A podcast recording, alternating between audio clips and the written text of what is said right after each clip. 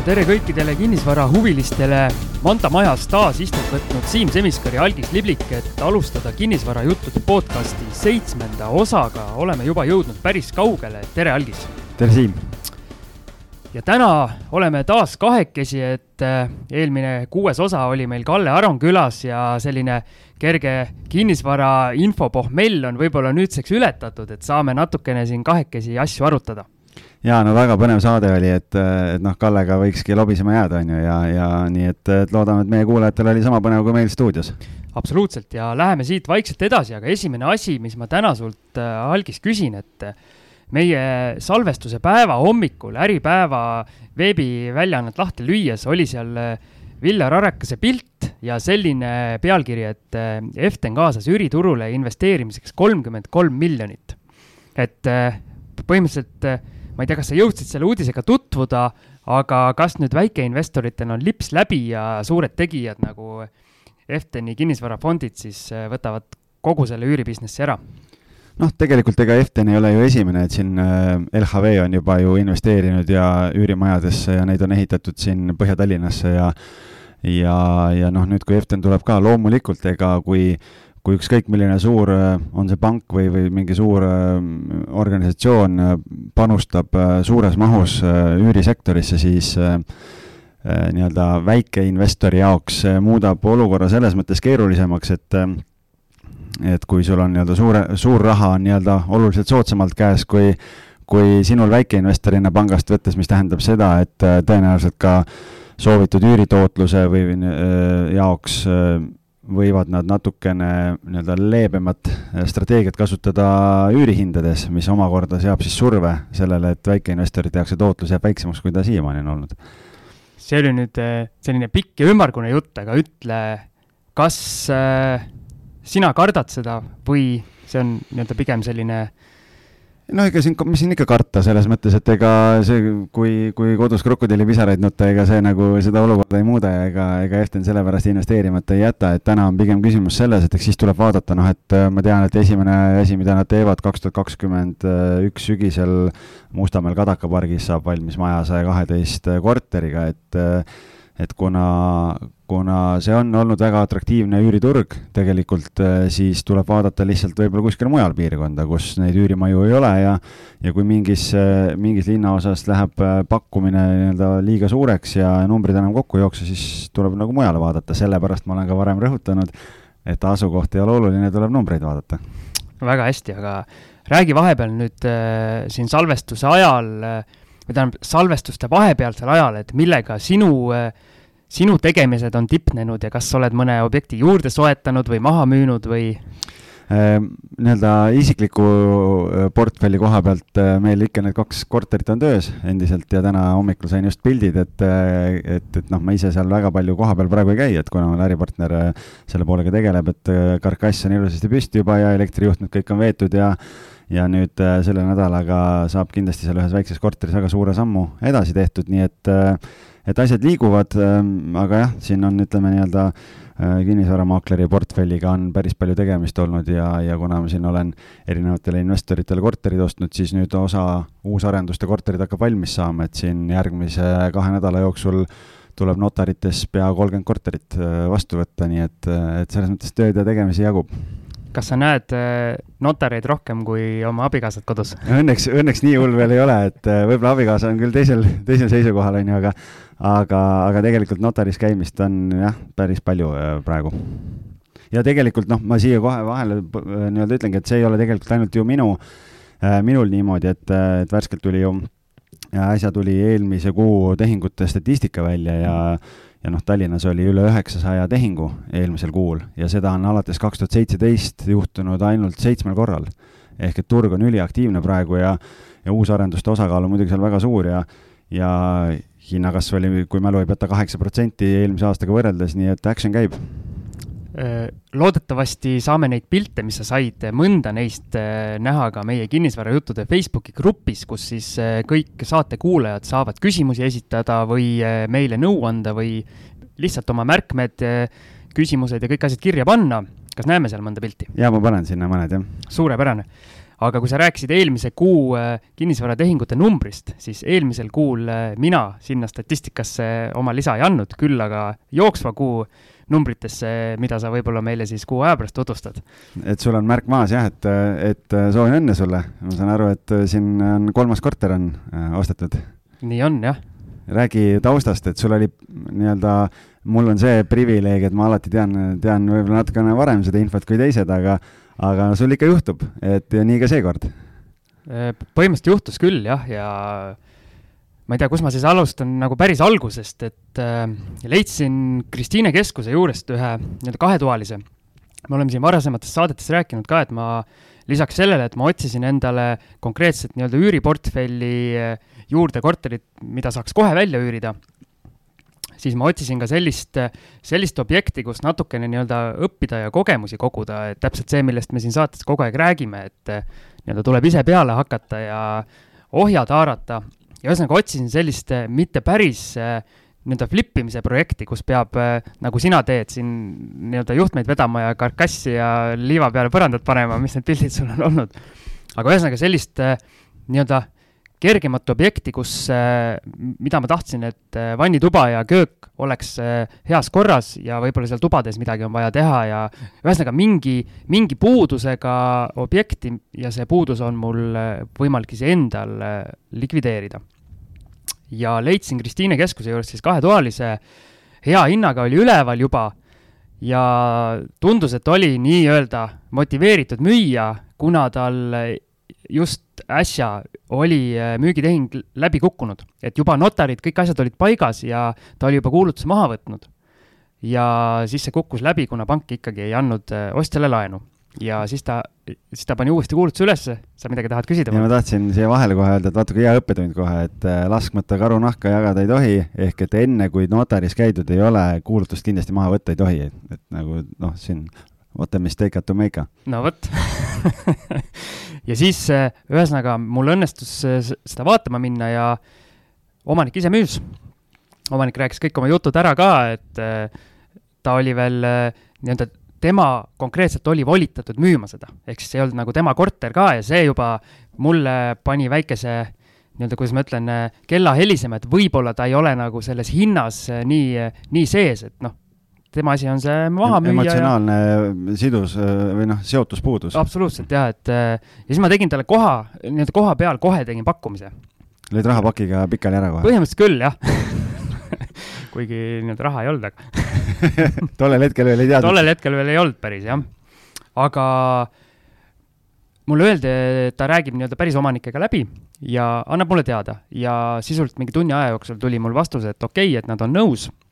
ja ma kasutasin äh, kusjuures nippi, mida ma sinult õppisin, ehk siis ma pakkusin, äh, või tähendab, äh, nii-öelda pakkusin madalamat hinda ja ütlesin, et kõik siis tehingukulud jäävad minu kanda. ja põhimõtteliselt toimis. kärbes lendas sinna lindi külge ära, et. jah, jah. aga jällegi, miks ma ütlen, et oli motiveeritud müüa ja mulle tundus, et nii-öelda mõlemad olid rahul selle tehinguga, ehk siis mina sain hea hea hinnaga korteri ja müüja sai oma sellest nii-öelda vaevast lahti, sest tema jaoks oli see juba nagu kohustus, mitte et ta müüb äh, okei okay,, noh, see kõik kõlab ikkagi see, mis me oleme rääkinud, nii-öelda see motiveeritud müüja, et äh, kõik, kõik täpselt nagu kuidagi linnukesed järjest nagu lähevad äh, kirja. just, nii, ja ühesõnaga nüüd äh, notaris sai käidud, notaris sai muidugi äh,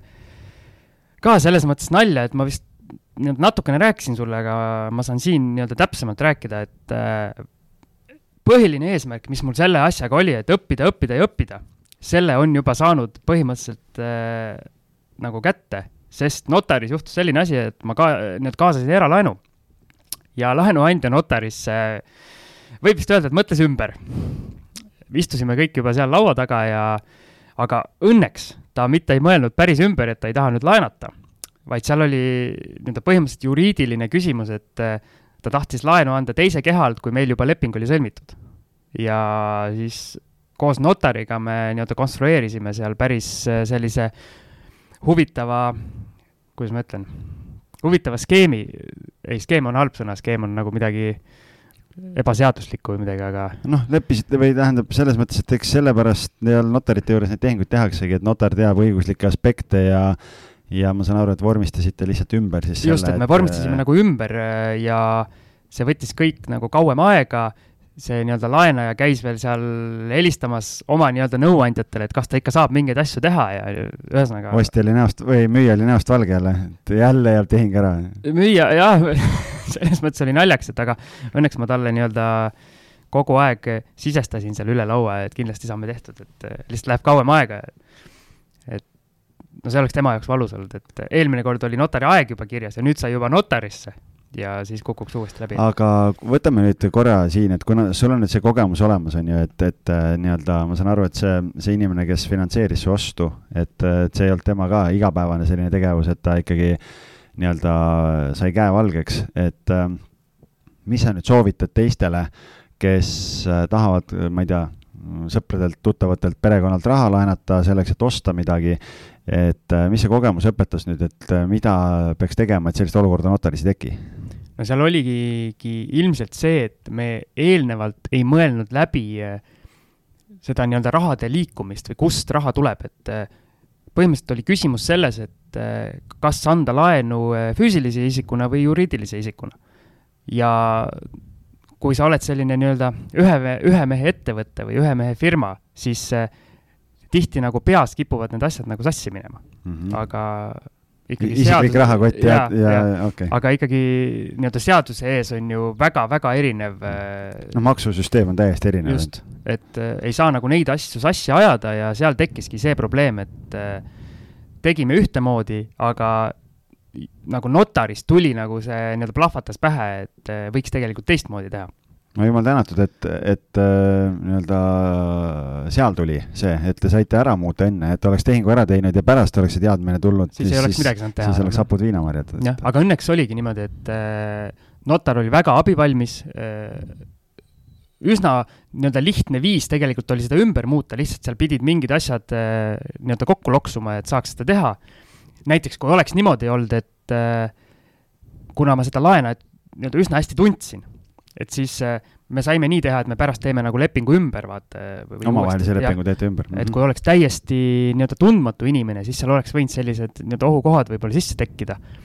aga jah, ja, ja tänu sellele, et notar meid äh, pidi nii-öelda aitama võib-olla rohkem, kui ta nii-öelda tavaline tööpäev oleks olnud selle tehingu puhul, kui kõik oleks nagu libedalt läinud et siis me seal natuke isegi kuritarvitasime seda aega ja küsisime seal juba igasugu küsimusi, mis meil nii-öelda keelel olid ja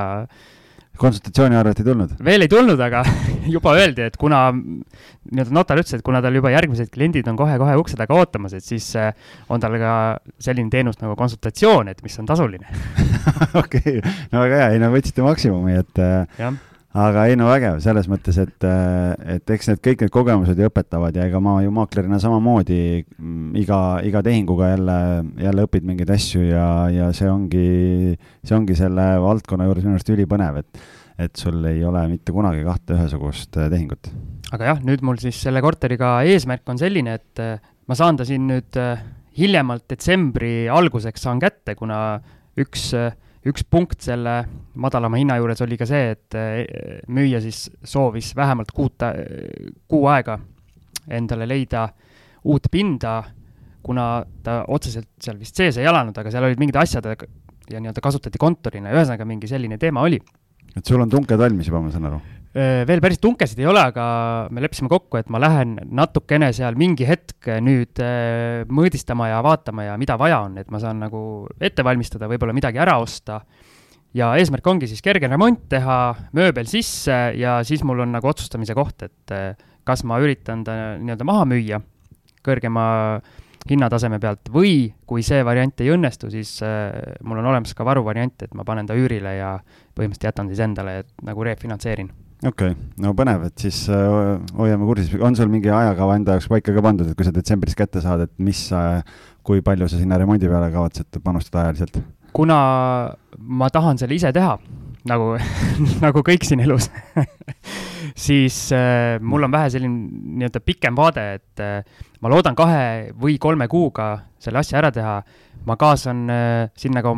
oma abikaasa, kes äh, on ka huvitatud sellest ja ma ei tea, kas ma siin saates olen maininud, aga meie enda kodudes just minu abikaasa on see, kes on äh, kõik seinad maha lõhkunud ja köögid ära välja lõhkunud ja siis hakanud remonti tegema ja minul siis pole muud üle sa jäänud. pakud talle head väljundit enda väljaelamiseks. Absoluutselt. super jaa, aga kuna meil nii, nii palju pudinaid kodus on, et siis see aja, ajahorisont tuleb panna selline, mis on ka tehtav. ja, ja, ja, et see on päris, päris hea challenge teile, aga, aga no vägev, et siis äh, saame, saame kätt pulsil hoida, kuidas teil läheb. aga eesmärk jah, ma ikkagi toonitan, et põhiliselt õppida ja vaatame siis, kas noh, okei okay,, miinusesse ka ei taha jääda rahaliselt, on ju, aga vaja kõik need võimalikult eh, head õppetunnid kätte saada, et midagi oleks eh, siin saates rääkida ja midagi endale ka näppude vahele jääks. no loodame ikka edulugusid, et eh, kuigi noh, vaata, ega igale eestlasele meeldib teist eestlast süüa, et, et kui tuksi läheb, noh siis siis on hea parastada. siis on hea parastada jah, et nii, aga. ma võin nii palju öelda lihtsalt, et ega noh, kuna ma ju investoritega töötan ja, ja, ja mul on siin päris põnevaid kohtumisi olnud äh, siin äh, iga nädal ikka, ikka kohtud kellegagi ja arutad jälle, siis ega ma hoian ka ju ikka nii-öelda pilku radaril kogu aeg ja eilegi äh, saatsin siin ühe, tuli üks kuulutus üles, ma olin pannud koputaja peale, kus oli siis pandud ette see piir, et, et, et noh, mis ruutmeetri hinnani, et ja tuli alla selle kuulutus oli ainult kolm pilti, seest ühtegi pilti ei olnud ja siis, siis mul kangastus kohe see eelmise saate Kalle sõnad, et noh, et kui, kui tekib selline olukord, et ukse pealt sisse astudes nagu süda pahaks läheb, on ju, siis ma haistsin seal kohe, kohe tundsin, et pulss hakkas kiiremini käima ja saatsin kohe kontakti ära, aga noh, tänaseni siiamaani keegi pole veel vastanud ja pole helistanud ega kirjutanud, nii et. kas see oli Mustamäe korter äh,? ei olnud kusjuures, ei olnud jah. mul tuli ka selle nii-öelda koputajaga üks, üks taoline Mustamäe korter, kus ka, ma ei mäleta, kas oli kolm või mõni pilt rohkem, aga seest midagi ei olnud ja. noh, ma vaatasin seal ise lihtsalt noh, võib-olla lihtsustatult, et, et, et noh, mm, nii-öelda see keskmine turuhind oli selline, et, et kuna me seal piirkonnas ühe korteri oleme müünud viimaste kuude jooksul, kus see ruuduhind oli selline osaliselt renoveeritud korteri puhul seal üle tuhande üheksasaja euro natukene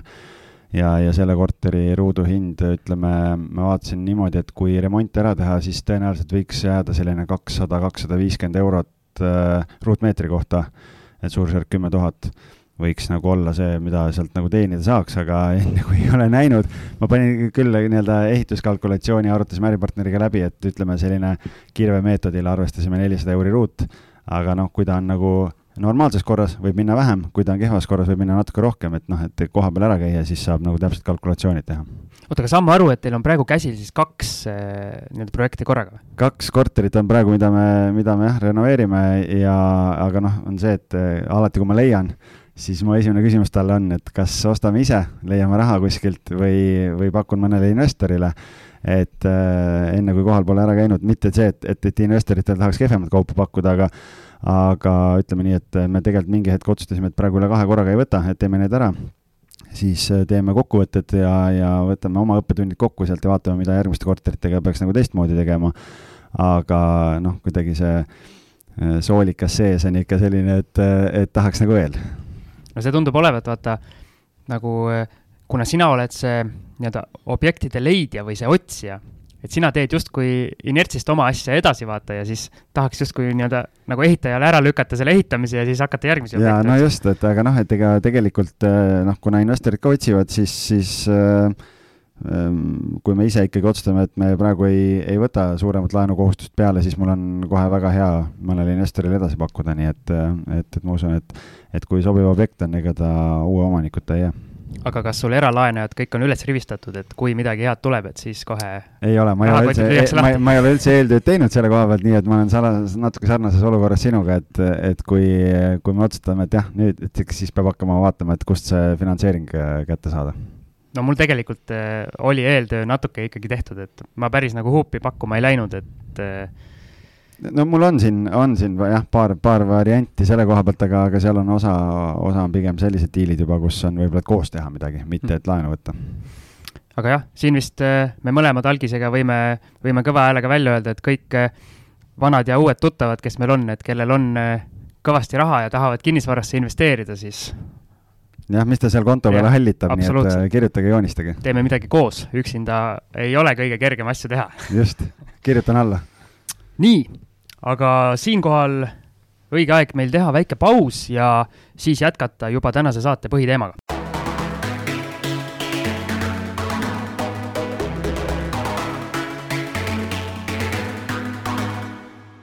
ja oleme jätkamas kinnisvarajuttude seitsmendat osa ja saate põhiteemaks on meil täna valitud algisega selline asi, et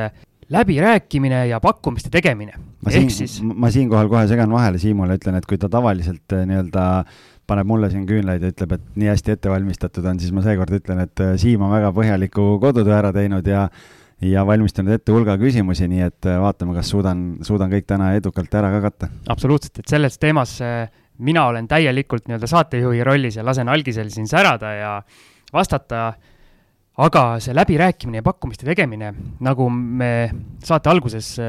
ma rääkisin, et mina nüüd tegin ühe pakkumise selliselt, et koha peal näost näkku ja me kindlasti jõuame selleni, et kuidas seda pakkumist teha, aga esiteks üldse ütlen ma kohe ära, et minu meelest näost näkku on kõige parem seda teha ahaa, ma tahtsin just küsida, et kuidas sa tundsid ennast, kui sa nii-öelda näost näkku selle pakkumise tegid? ei olnud absoluutselt mingit probleemi. aga näiteks minul isiklikult Äh, on suur hirm nagu telefoni ees, ehk siis helistades oleks ülimalt keeruline minul mingit pakkumist teha. Ja me hiljem räägime või oleme juba nagu tegelikult rääkinud, et ma olen paar pakkumist teinud kirjalikult.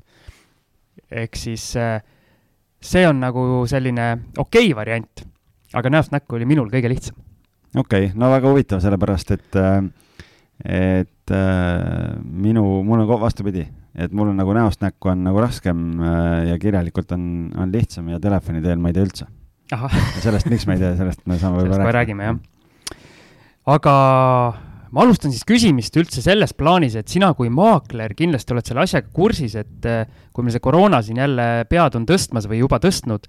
kui palju tehakse üldse praegu selliseid äh, odavama hinna pealt pakkumisi,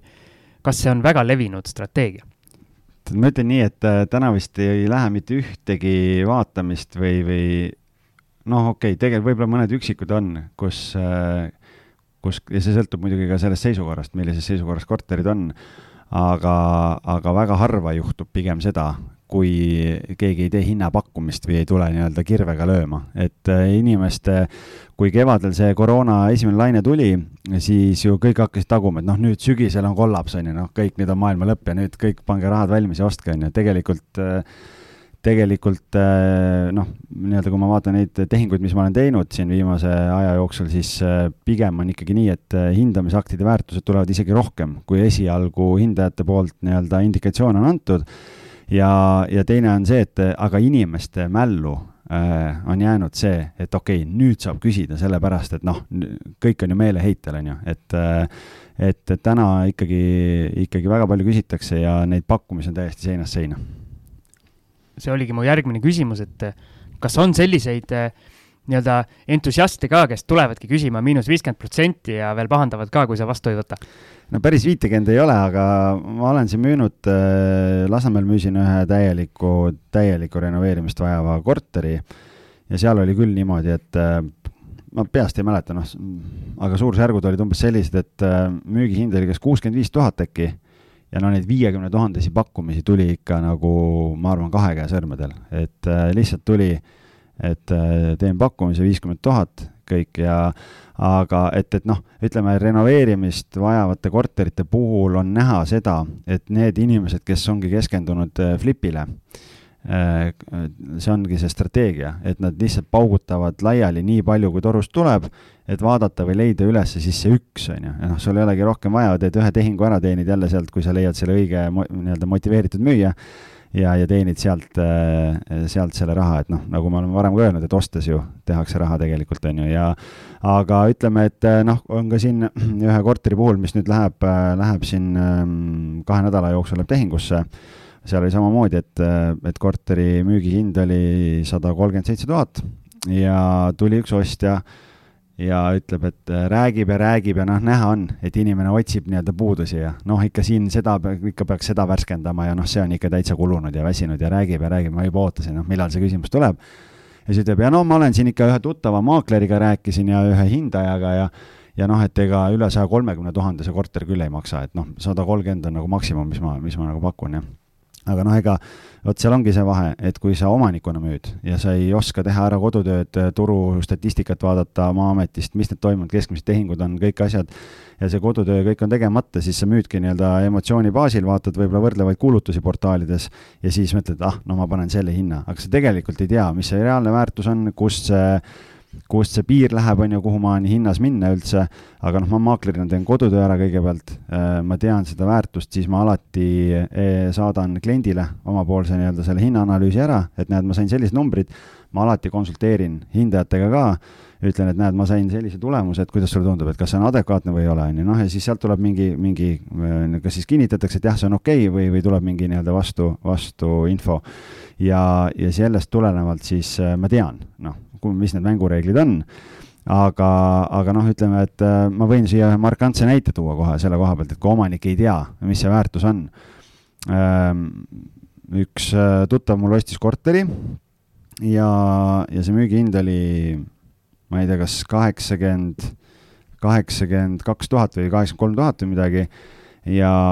ja noh, ta tegi sellist trikki, see ei ole küll eetiline, on ju, et, ähm, et aga, aga ta ütles müüjale, et ma tellisin hindamisakti korterile. ja hindamisakt tuli seitsekümmend viis tuhat. et okei okay,, ma nii alla ei, ei hakka hinnas kauplema, aga üle seitsmekümne üheksa ma maksta ei saa, on ju. ja müüja oli nõus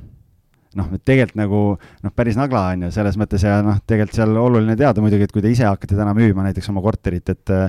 et ega hindamisakti ei saa teha ilma, et hindaja korteris kohapeal käiks, et noh, et see on nagu hea indikatsioon, et kui hindaja pole kohapeal käinud, siis see hindamisakti ega ei ole olemas. nii et, et aga, aga jah, et tasub ikkagi ka müüjana eh, kodutöö ära teha selleks, et teada, kus see, kus see piir läheb. aga selline küsimus sulle, et äh kui me vaatame neid kuulutusi ja seal ole,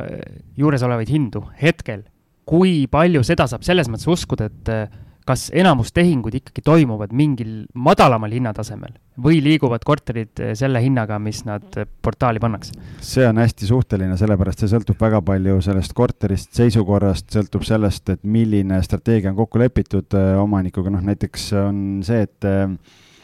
et äh, mingite korterite puhul, näiteks ma ise müün ühte korterit praegu, kus äh, tegelikult omaniku ootus äh, on, ta, ta on isegi, korter on väga ilus, väga heas seisukorras, aga seal on täna see, et, et ma tean, mis see hindamisakti väärtus tuleks aga omanik on tegelikult valmis, on üsna paindlik hinna osas, aga noh, see teistpidi jälle mina, siin ongi, kus tuleb see nii-öelda maakleri, maakleri väärtus mängu ehk omanik ütles, et ma oleks õnnelik, kui ma saaks selle summa. ma ütlesin, et aga sa müüd alla turuhinna selle hinnaga, et pole mõtet, et äh, paneme ikkagi õiglase turuhinna ja, ja müüme sealt ja huvi on väga suur, et tänu sellele omanik teenib rohkem, kui ta, kui ta tegelikult oleks tahtnud saada. aga ma ütlen nii, et, äh, et äh, mis juhtus selle koroona ajal, et, et sinu küsimuse juurde tagasi tulles on see, et ma, tehingute hinnad ehk et nii-öelda reaalsed turuväärtused ei ole kukkunud, pakkumise hinnad on kukkunud, eriti magala piirkondades on kuskil viis protsenti hindadest on õhk välja lastud, et äh, aga ma ütlen, et sellist ühest joont, et noh, see sõltub nii palju omanikust, et mõni omanik tahab minna kuldkalakest püüdma, teine ütleb, et ma tahan võimalikult kiiresti lahti saada, noh, kõik, kõik neid asju on nii palju, et siin see on umbes samasugune küsimus, et, et milline on keskmine Eesti mees. aga milline on? Keegi ei tea. Kui äh, suure allahindluse sinu maakleri, maakleri karjääri jooksul üldse mõni omanik Äh, on vastu võtnud, et kui sa oled läinud äh, mingi hinnapakkumisega ma enne küsin, et kui tuleb see, ütleme, ütlesid, et kuuskümmend viis on näiteks hind, äh, tullakse viiekümne tuhandega pakkuma, et kas sa üldse omanikuni viid sellise pakkumise ja kas sa üldse vastad sellisele? Ei, äh, ma, ei, ma vastan sada protsenti kõikidele pakkumistele. Äh, kirjutangi, ütlen, et aitäh, et see on alla turuhinna ja täna ühtegi põhjust alla turuhinna müüa ei ole ja, ja, ja viisakalt nagu nii-öelda ikkagi vastan ära mingi vastuse, aga loomulikult on see, et kui, kui ma hakkan mingit korterit müüma, siis ma äh, kui me teame seda reaalset turuväärtust, siis me omanikuga ju lepime kokku, et kust me alustame, mis on see strateegia, kas me üldse jätame sinna kauplemisruumi või ei jäta ja, ja, ja teistpidi on see, et, ähm, et, et siis äh, ma tavaliselt ütlengi, et ma ei, niisama ei raiska aega. et kui on selline noh, see sada kolmkümmend tuhat näiteks, mis see pakkumine oli, siis ma ütlesin kohe, et ma isegi ei hakka omanikku tülitama selle hinnaga, sest ma tean, et see on alla turuhinna ja mul ei ole isegi mõtet rääkida. teistpidi on jälle see, et, et ma ostjatele ütlen ka seda, et et, et kui teile korter väga meeldib, aga noh, mingi asi jääb kripeldama näiteks, et eh, noh, ma ei tea, veekahjustus on siin laes on ju väikene, et noh, et see on mingi kulu, et eh, noh, nad tavaliselt ise küsivad, et kas pakkumist saab teha või noh, et, et kas omanik on valmis hinnas läbirääkimisi, ma alati ütlen, et eh, noh, ma ju tean tausta, et ütlen, kas on või ei ole, et ei ole mõtet üldse hakatagi nagu proovima. Äh, et, et siis ma alati, aga samas ma ütlen ka seda, et mina olen middleman, et minu asi on infot vahendada, aga sa, aga ma ei saa lubada, et omanik äh, nagu üldse nagu aktsepteerib seda pakkumist, mida te teete. Et, et see on jälle hästi palju omanikust kinni, aga seal on ka see, et äh, on ka neid tehinguid olnud mul, kus, kus omanik tahab minna seda kuldkalakest püüdma ja, ja noh, viimasel ajal kipub nii minema, et ma pigem ei võta sellist objekti üldse müüki. põhjus on hästi lihtne, et teie ka, kui, kes, kes, kui kuulavad, keegi hakkab ise müüma näiteks, et Siim, kui sa nüüd renoveerid ära ja müüma lähed, et siis on tegelikult see hinnastamise pool on nagu selles mõttes hästi oluline, et et miks liiga kõrge või liiga suur ahnus võib nagu saatuslikuks saada, on see, et esiteks on see, et noh, ma ütlen täna seda, et kui sul on nii-öelda õiglase turuhinnaga korter, siis äh, konkurentsi arvestades sa pead arvestama, et äh, müügiperiood on kuni kolm kuud. kui sul on kõrgem hind, siis võib minna kauem, küsimus on, kas sinu ärimudelisse mahub pikem müügiperiood, teiseks on see, et äh, et, et siis ongi see, et paned kalli hinna, nii, siis ootad, ootad, ootad, ootad, ühtegi pakkumist ei aktsepteeri, mitte midagi, ja siis lõpuks on kolm-neli kuud läinud, vaatad, et oi-oi-oi-oi-oi, et hakkab juba nullile lähenema kasum, on ju, ja siis võib tekkida see meeleheide ja lõpuks on see, et tuleb keegi õigel ajal, virutab õige pakkumise lauale ja sul ei jää muud üle ja sa lihtsalt müüd selle ära, selle asemel, et võib-olla kui sa oleks mingi pakkumise varem aktsepteerinud, oleks seal, ma ei tea, kaks-kolm-neli tuhat eurot rohkem teeninud et, et see on nagu üks pool, sa tahtsid küsida midagi siia vahele? ei ah,. okei okay.. et, et sul jutt nii hästi jookseb. teine, ja teine, teine pool on see, et kui sa äh, paned liiga kõrge hinna, siis äh, noh, näiteks ütleme, et Siim otsib äh, omale, omale Kristiinesse kahetoalist korterit ja ta on pannud näiteks, et on äh, noh, vaadata, vaatab üle, et turustatistika näitab, et noh, keskmine tehingut on olnud seal, ma ei tea, tuhat üheksasada seitsekümmend eurot äh, ruut ja paned, ma ei tea, kahe tuhande või kahe tuhande viiekümne euroni, paned endale filtri peale, koputaja, et ootad, et kui pakkumised tulevad. või aeg-ajalt otsid ise ilma koputajata ja, ja siis algis on nii ahne vend, on ju, mõtleb, et noh, mul on nii hea korter, et ma panin ju oma hinge siia, naisega oleme kolm kuud remonti teinud siin ja ja lähen kahe tuhande ühesaja või kahe tuhande kahesajaga sinna nagu kuldkalakest püüdma aga kõnesid ei tule sellepärast, et sa ei mahu filtrisse. inimesed teavad, et äh, kus see piir läheb ja,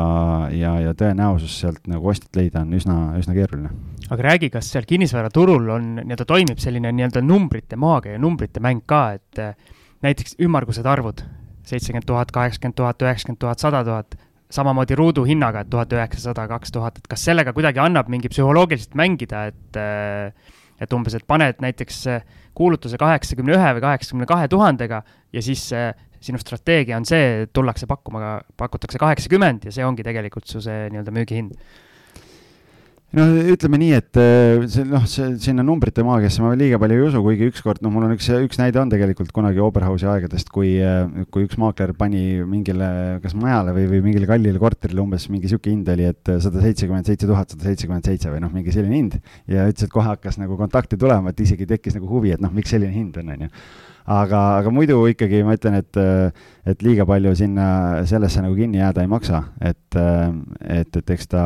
see, kas ta nüüd kümme eurot rohkem või vähem, et ega sellepärast ju keegi ostmata ei jäta, et jah, seal on küll see vahe, et kui see kümme eurot määrab ära selle, kas korteri ruuduhind on tuhat üheksasada üheksakümmend üheksa eurot või on ta kaks tuhat üks eurot, et kas ta mahub sinna mingisse filtrisse või ei mahu. Aga, aga selle pika müügiperioodi jooksul sellele meeleheitele lisaks on ka veel see, et väga palju inimesi otsib ka selle järgi näiteks kuulutusi, et nad reastavad võtad portaali lahti, võtad kuulutused lahti, Kristiine, paned kahetoalised, on ju, kuni kaks tuhat eurot ruut ja siis valid selle järgi, et reasta uuemad kõigepealt näiteks ja kui su korter on seal neli kuud tiksunud juba või viis kuud, ta on kuskil seal lõpus, esiteks sa ei tule otsingutes välja, kui sa tasemeteenuseid ei kasuta, teiseks tekib küsimus, see devalveerib, see kõrge hind, tekib küsimus, miks see korter nii kaua müügis on, kas sellel on midagi viga et see on ka jälle nagu omamoodi selline, selline argument. ja, ja siin on veel üks, üks ämber, mida väga paljud omanikud kolistavad, on see, et okei okay,, ma müün ise, ma ühegi maakleriga lepingut ei tee, aga siis ma äh, nii-öelda või noh, või lubavad seda, et ma ei tea, kaks või kolm maaklerit võivad kuulutuse üles panna ja siis on jälle see asi, et kui sul mitu maaklerit müüb korterit, siis tekib küsimus, et mis, miks nii mitu maaklerit müüma peab, kas sellel on midagi viga, et, et seda viga kindlasti ei tasu teha, et, et pigem valige üks maakler, kui, kui maakleri võtate. Ja nii, et ütleme jah, et selle hinna koha pealt on neid, noh, neid strateegiaid või nüansse ja neid argumente on nii palju erinevaid, et aga ma ikkagi ütlen täna, arvestades turukonkurentsi ja kõike seda poolt, kuldkalakest püüdma minna ei saa. Veel üks kõige olulisem argument tõenäoliselt on see,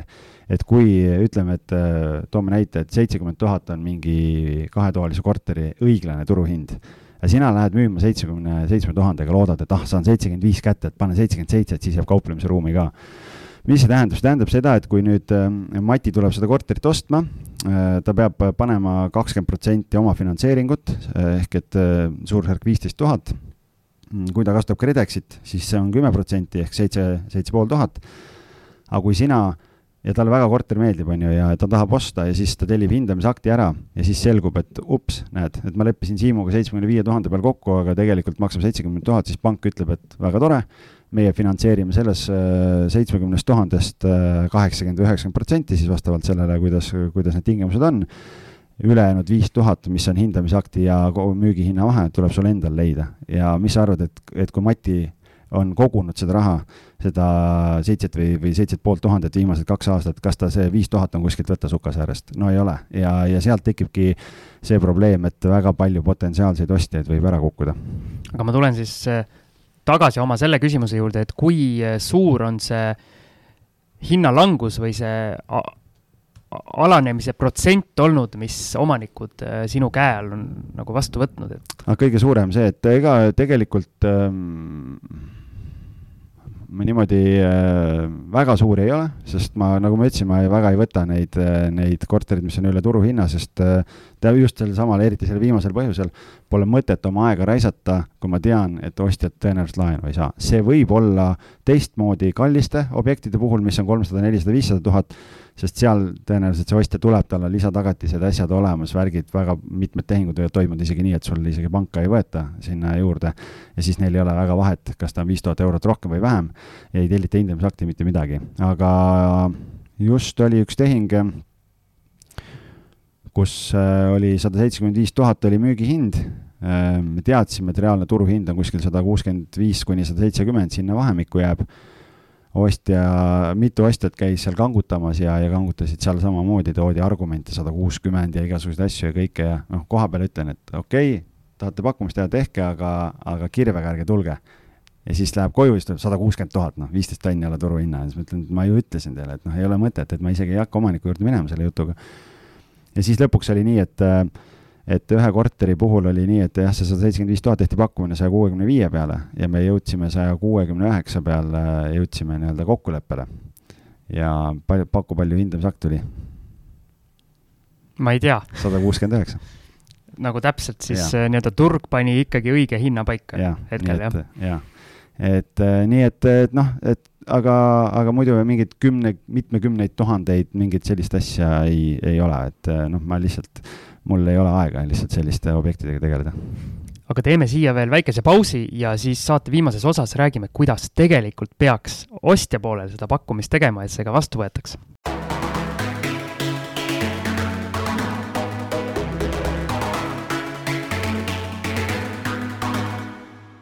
Siim Semiskar ja Algis Liblik taas stuudios istet võtnud. minu esimene küsimus sulle viimases plokis kuidas ma nüüd siis tegelikult seda pakkumist peaks tegema, kas ma peaks äh, näost näkku tegema, kirjalikult tegema või helistama? ma, ma võtan seda täna, et me räägime investeerimise kontekstis, mitte kodu ostmise kontekstis, need on ja. kaks erinevat asja. et võib-olla jah, või okei okay,, võib-olla hästi lühidalt öeldes, et noh, kodu ostes, kui sa lähed ja sulle ikkagi kodu meeldib, on ju, siis tuleb kohe nagu tegutseda. noh, siis ei tohi nagu mõtlema või puhkama jääda. aga, aga teistpidi on see, et, et kui me räägime investeerimiskorterist, siis on ikkagi see, et noh koha peal, kui sa nagu koha peal elevile lähed, tohutult vaimustad, et oi, näed, siin on nii ilus köök, on ju, ja vannituba on korras ja noh, täpselt see, mis ma tahtsin, noh, super, on ju. ja, ja, ja põsed õhetavad seal ja siis noh, ega siis pärast on raske, raske seal nagu kaubelda midagi, aga, aga kui sa kohapeal oled stone face ja, ja noh, samamoodi, nii nagu ma enne rääkisin, võib-olla otsid seal mingeid puudusi ja, ja üritad ikkagi emotsionaalselt seal,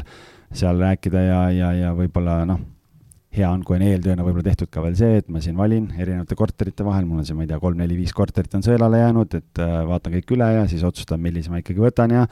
täna ühte käisin vaatamas, näed, siin on ikkagi nii-öelda aknad on vahetamata, teisel olid vahetatud, on ju, hinnas vahet ei ole, tegelikult on, on, see on lisakulu kohe, millega peab arvestama ja, ja noh, nii-öelda, et tood, hoiad, oled nagu kahe jalaga maa peal, pigem, pigem nii-öelda äh, pessimistlikult äh, meelestatud natukene. Ja, ja siis äh, jah, ma ütlen ma olen Siimule selle soovituse tegelikult andnud ja vist eelmine saade või üle-eelmine saade ka rääkisime sellest, et noh, et osa investoreid kasutab ka seda, et nad lähevad koha peale ja ütlevad, et mul on kaks tonni on äh, taskus, et äh, ma broneerin kohe ära. aga sul peab olema siis kodutöö väga põhjalikult tehtud, seal on, kui sellist, sellist asja sa saad teha siis, kui sa oled äh, leidnud väga hea kuulutuse, kus on väga palju pilte, sa näed selle eelseisukorra juba ära ja võib-olla sa nii-öelda saad selle põhjal juba kalkulatsioonid ära teha, et saad koha peal, aga üldiselt on see, et et, et mina kohapeal pakkumisi ei ole teinud ise ja mina soovitan teha kirjalikult ja seal on väga lihtne põhjus, miks mitte telefoni teel, vaid, vaid kirjalikult teha on sellepärast, et kui sa käid seda korterit vaatamas Äh, pärast lähed ja sul ongi võib-olla kahe-kolme korteri vahel valida ja teed kalkulatsioonid ära ja vaatad, et noh, et näed, et siin ikkagi numbrid ei jookse kokku, et ainukene variant, kuidas ma seda tehingut saan teha, on see, et ma saan kaks tonni hinnas alla näiteks. et kui sa teed kirjalikult selle pakkumise, siis märk jääb maha, isegi kui omanik ei ole selle pakkumisega nõus äh,, mingi hetk ta vaatab, et okei okay,, et näed, et mul siin kuu aja jooksul pole ühtegi, ühtegi teist huvilist tekkinud et oot-oot-oot, kes see oli, kes mul käis, tegi pakkumise, et äkki peaks ikkagi vastu võtma. ja siis võib-olla kirjutab sulle vastu või helistab tagasi, ütleb, kuule, ma olen nüüd tehingusse valmis minema. noh, mingi saade rääkisin ka, et meil endal oli see juhus, kus üks omanik võttis mõtlemisaja ja mõtles liiga kaua ja tuli tagasi ja ütles, et teeme ära, aga siis me olime juba äh, raha ära kulutanud kui sa nüüd investorina lähed äh, endale objekti vaatama, kui suur eelis on see, kui sa saad öelda, et äh, me võime sisuliselt homne päev äh, notarisse minna, sa lükkadki oma selle rahapataka lauale, panka kaasama ei pea. kas see on eelis? ta selles mõttes on kindlasti eelis, et, et mina toon ka alati selle välja, ütlengi, et meil on kiire tehing, et kui me saame tingimustes kokkuleppele, siis leiame esimese võimaliku notari aja, meil hindamisakti pole vaja tellida. see annab omanikule ka teatava kindluse selle koha pealt, et et, et isegi kui sa leiad ja sinu numbrite jaoks nagu hind ja kõik sobivad, et sa tahad näiteks üüriobjekti, on ju, ja vaatad, et okei okay,, seitse protsenti jookseb kokku sealt, et noh, siis, siis noh, mõistlik tegelikult oleks hindamisakt tellida, see on mingi paarisaja eurone kulu, aga teistpidi on see, et kui see, kui sul tulevad sealt numbrid välja, aga omanik ei ole nõus hinnas alla minema, siis sa oled see kaks sotti lihtsalt ära raisanud, on ju. et aga, aga noh, et ütleme nii, et see selles mõttes on küll argument, vähemalt minu puhul on küll töötanud, et, et me ütleme, et meil on ilma pangata tehing et meie pakkumine on see, kui see sobib, siis äh, ma helistan kohe, leian notari aja ja, ja lähme tehingusse. minul täpselt selline olukord, äh, see viimane oligi, et äh, seal ei olnud ka nagu, vahest on müüjatel endal hindamisakt tellitud just sellepärast, kui omanik ise müüb, et siis ta tahab võib-olla aru saada, palju see korter maksab, aga noh, samas kui omanik juba läheb ilma maaklerita müüma, siis ta ei taha reeglina ka seda hindamisakti väljaminekut teha endale. jah, tegelikult see hindamisakti tellimine omanikuna, kui sa maaklerit ei võta, on päris äh, nutikas mõte. tegelikult jah, et sa ise sama maksad selle tüüpkorteri eest mingi sada kaheksakümmend eurot või, või mis see summa on. ja, ja tegelikult sul on väga selge indikatsioon olemas ja sa tead, kust maalt sa allapoole enam minema ei pea, et, et rahaliselt mitte kaotada ja jääb see nii-öelda emotsionaalne virvarr ära, et. ja ma eeldan, et see tähendab müüjale ka palju kiiremat tehingut, et äh, kui on äh, nii-öelda ostja, kes ikkagi soovib seda ja juba hindamisakt on olemas pangale saab esitada, siis äh, läheb ju libedamalt. muidugi, noh, kui sa vaatad kuulutust, on ju, ja vaatad, et okei okay,, et kahetoaline korter Kristiines äh,, hindamisakt on kuuskümmend viis tuhat, müüakse kuuekümne viie tuhandega, sa vaatad, okei okay,, et ma panen sinna üürniku sisse, tootlus on seitse protsenti ja sa tead, sa saad ise ka rahulikumalt võib-olla seda minna sinna vaatama ja sa kohapeal ei hakkagi pingestama selle pakkumisega, sellepärast et et sa tead, et, et see on reaalne õiglane turuväärtus. mina ise mõtlesin, et nüüd, kui ma selle värskelt ostetud korteri ära renoveerin, et siis ma ise tellin hindamisakti, ma saan ise teada, palju see nii-öelda konkreetne väärtus siis tol hetkel on ja siis ma saan vaadata, kas mul läheb müügiks. mul on üks märkus siia veel tegelikult, et, et see rääkimata ja tegelikult selle hinna, hinna läbirääkimiste strateegia on ka jälle väga erinev ju sellest sõltuvalt, kas sa tahad flip ida või sa otsid üüriobjekti, sest kui sa nagu me enne ütlesime, et kui sa tahad flip ida, noh siis sealt tuleb kangutada nii palju kui võimalik selleks, et sul üldse oleks võimalik sealt mingit raha teenida. aga kui sa leiad äh, üüriobjekti ja need linnukesed on täidetud, siis äh, noh, võib-olla võid proovida kaubelda, aga võib-olla sul ei olegi vaja seda teha. Äh, et või, või, või nii-öelda elu ei jää seisma, kui omanik sinu pakkumist ei aktsepteeri. no vot, mul ju üks kogemus hiljutisest ajast, kus ma läksin üüriobjekti ostma äh, ja tegin pakkumise, vist küsisin tuhat üheksasada vist alla ja mind pakuti siis üheksasaja euroga üle ja jäin ilma. no just, nii et noh, see on, see on normaalne, normaalne osa, et, et seal ongi jah, see, et ega, et ega tuleb nagu vaadata selles kontekstis, mi-, milline strateegia on või kuhu te oma raha investeerida parasjagu tahate. Siim jäi väga mõttesse, et. ma jäin mõttesse jah, siin äh, natukene kas maakler ja omanik panevad eh, eelnevalt nii-öelda paika ka mingi hinnapõranda, et äh, sina maaklerina, kui sa näitad korterit, sa tead, et näiteks teil on, ma ei tea, seitsekümmend viis tuhat on see kuulutus üleval, aga sul on omanika, omanikuga kokku lepitud, et kui tuleb pakkumine näiteks seitsmekümne kahe peale, et äh, siis ilma temale teatamata sa põhimõtteliselt võid sellele müüjale öelda, et jah, okei. okay me oleme nõus vastu võtma. jaa, see on tegelikult, mul on samamoodi, nagu me rääkisime siin ühes saates, checklist, et kui sa lähed korterit ostma, mis on need küsimused, mida sa pead küsima ja kõik, kõik need asjad, ega mul maaklerina samamoodi on checklist, et kui ma võtan uue korteri müüki, siis üks osa on needsamad küsimused, mida küsida siis, kui sina lähed korterit vaatama nii-öelda, mis puudutavad maja ja korteri remonti ja kõiki teisi asju, aga mul on veel täiendav küsimuste plokk. miks omanik müüb? kui kiire tal selle müügiga on?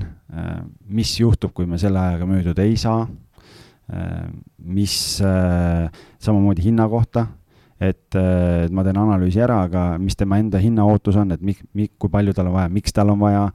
noh, mingitel juhtudel on see, et müüakse korterit selleks, et on vaja kolida suuremale pinnale, siis müüjal on äh, uue kodu ostmisega väga selgelt seotud see, kui palju neil on raha vaja omafinantseeringuks.